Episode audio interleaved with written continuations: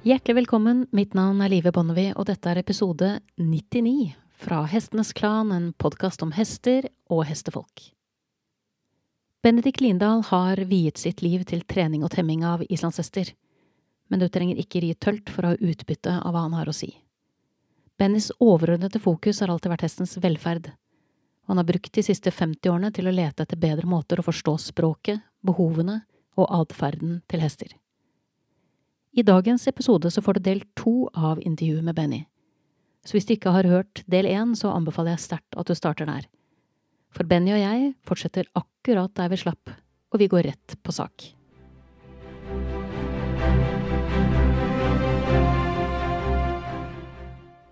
Det jeg virkelig liker med Benny, er at han har en sensibilitet overfor hestene som er bygget på respekt for dem som art, og at han klarer å kombinere denne sensibiliteten med det jeg oppfatter som et totalt fravær av ego, hastverk og grådighet. Han hører med til den kategorien trenere som aldri spør hesten om for mye, og som alltid er svært nøye på hva hesten får tilbake.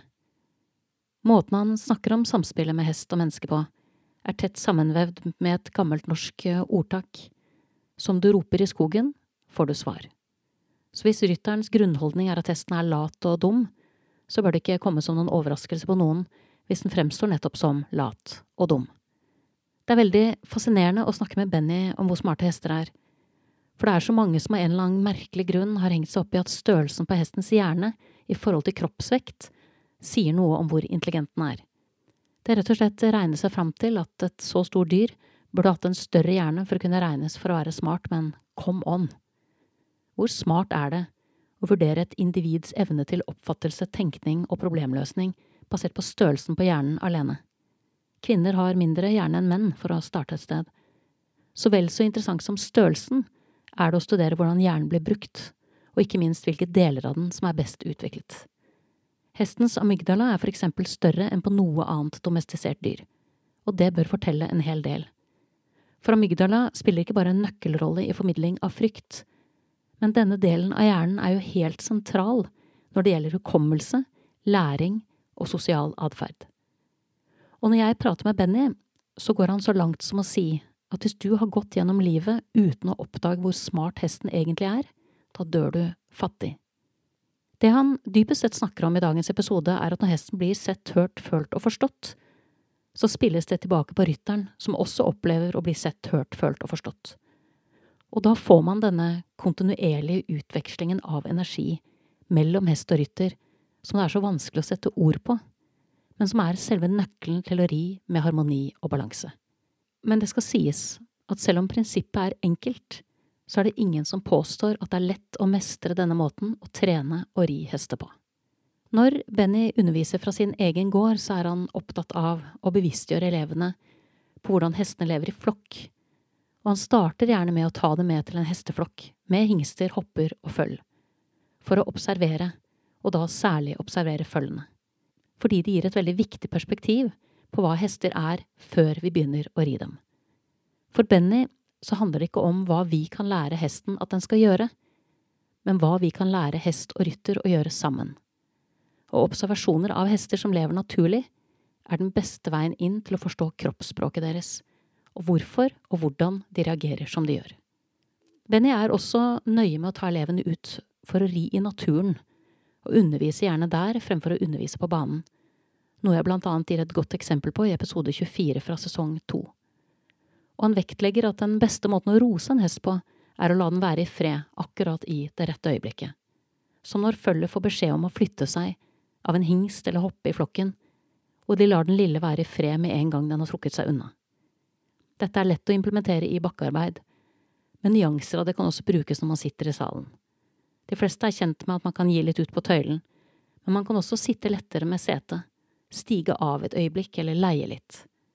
Benny belønner også ofte unghesten etter en god dags økt med å ta den som håndhest den påfølgende dagen, et grep som også sikrer unghesten tid til å fordøye inntrykkene fra forrige økt. Benny er ikke motstander av verken godbiter eller å stryke eller klø hesten som ros, men å klappe den med flat hånd, det gjør han aldri. Det er ikke behagelig for hestene. De liker det rett og slett ikke. Men dersom du er blant dem som insisterer på å klappe hesten med flat hånd, så bør du som et minimum legge tommelen din mellom håndflaten og hesten, så du lager en luftlomme under håndflaten. Dette sikrer en lettere og mer behagelig berøring. Benny er generelt svært opptatt av de små tingene som er store for hesten. At du har kontakt med hesten før du legger på hodelaget, for eksempel. Snakke med den, stryker den. At du tar hodelaget ned et par hull, både når du tar det av og tar det på, så det kjennes komfortabelt for hesten. Å ta hodelaget av og på uten å slakke kinnstykkene ble av Leslie Desmond sammenlignet med å ta en olabukse av eller på uten å kneppe opp knappen. Det går, men det er ikke særlig behagelig. Å ta seg god tid er en av Bennys viktigste grunnsteiner når han trener hester. Å sette på hodelag, putte på et bitt, legge på en sal, slå på fire sko og stige opp og ri ved å tilføre press, det er mye å be om av et dyr. Domestisert eller ikke. Ingenting av dette er normalt for hesten, og det er ingen selvfølge at den skal takle det så godt som den ofte gjør. Det er så lett å forveksle respons og reaksjon, akkurat som det er lett å forveksle toleranse med aksept. Og ikke minst er det lett å kreve altfor mye altfor tidlig. Vi skylder hesten å gå langsomt og hensynsfullt fram, og passe på de små tingene hesten vet å sette pris på. At det tar oss god tid, er forutsigbare, er forsiktige, og passer på at hesten får dekket viktige behov, som ruller seg etter at han er ridd, utgjør en enorm forskjell. Mye større forskjell enn mange er klar over. Vi behandler dessverre ikke alltid hesten rettferdig, og dessverre er det svært ofte et resultat av ubetenksomhet. Altfor ofte så ber vi om for mye, eller vi ber hesten om ting den ikke fullt ut har lært eller forstått. Benny selv har ikke tall på alle hestene han har møtt på sine clinics rundt i verden, der hesten takler bittet, men ikke fullt ut er i stand til å akseptere det eller er fortrolig med det. Du må være forsiktig, og du må ta høyde for at det tar tid å bygge hesten. Du må også ta høyde for at dette er en prosess som aldri tar slutt. Dersom du blir utålmodig, grådig, behandler hesten urettferdig, eller krever ting han ikke forstår, så vil han fort komme i fluktmodus og da har du i realiteten mistet ham. Han kan kanskje kontrolleres, men han er ikke lenger med deg, og det er viktig å skille mellom de to. Det er også viktig å skille mellom kontakt på tøylen og samling. Benny snakker i intervjuet om hvordan han vender hesten til bittet og skolerer den. Og med en eldre hest som har dårlig erfaring med harde, uklare hender, så bruker han samme langsomme fremgangsmåte. Når han skolerer hester, så er Benny først og fremst opptatt av å gi hesten tid. Og når hesten lærer noe nytt, eller når et nytt nivå, så lar han den bli på dette nivået en stund, før han tar treningen et steg videre og spør om mer. Dette enkle grepet bidrar til å gjøre hesten sterk, trygg og stolt, og den vil også føle mye større mestring.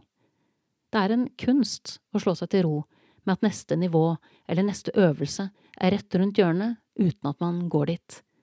Og det interessante er at resultatet ofte er at hesten velger å runde det hjørnet selv, på eget initiativ, og tilby mer enn du har bedt om, simpelthen fordi den er klar for det.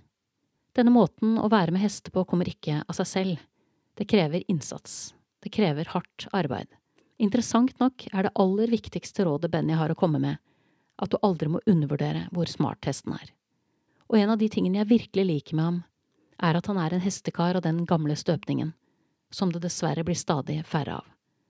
De som holder fokuset på samspillet fremfor resultatene de som er vel så opptatt av hva de kan gjøre for hesten, som omvendt. Men den kanskje viktigste tingen som skiller den gamle skolen fra den nye, handler om hvordan man forholder seg til ego og oppmerksomhet. Jeg tenker ofte at det er mange som går rett i fella når de tror at trenerne som genererer mest oppmerksomhet og flest likes på sosiale medier, og har flest målbare resultater, er de som dypest sett har skjønt hva det å være med hester egentlig handler om. Min erfaring er at det ofte er omvendt. Behovet for å finne raske løsninger og oppnå rask progresjon er dypest sett bare nok et bilde på avstanden mellom mennesket og naturen, som stadig blir større. Vi kan selvsagt utdanne oss til å bli en bedre versjon av oss selv, og det bør vi absolutt vie tid til. Men det er viktig å være klar over at utdannelse og erfaring er to helt forskjellige ting.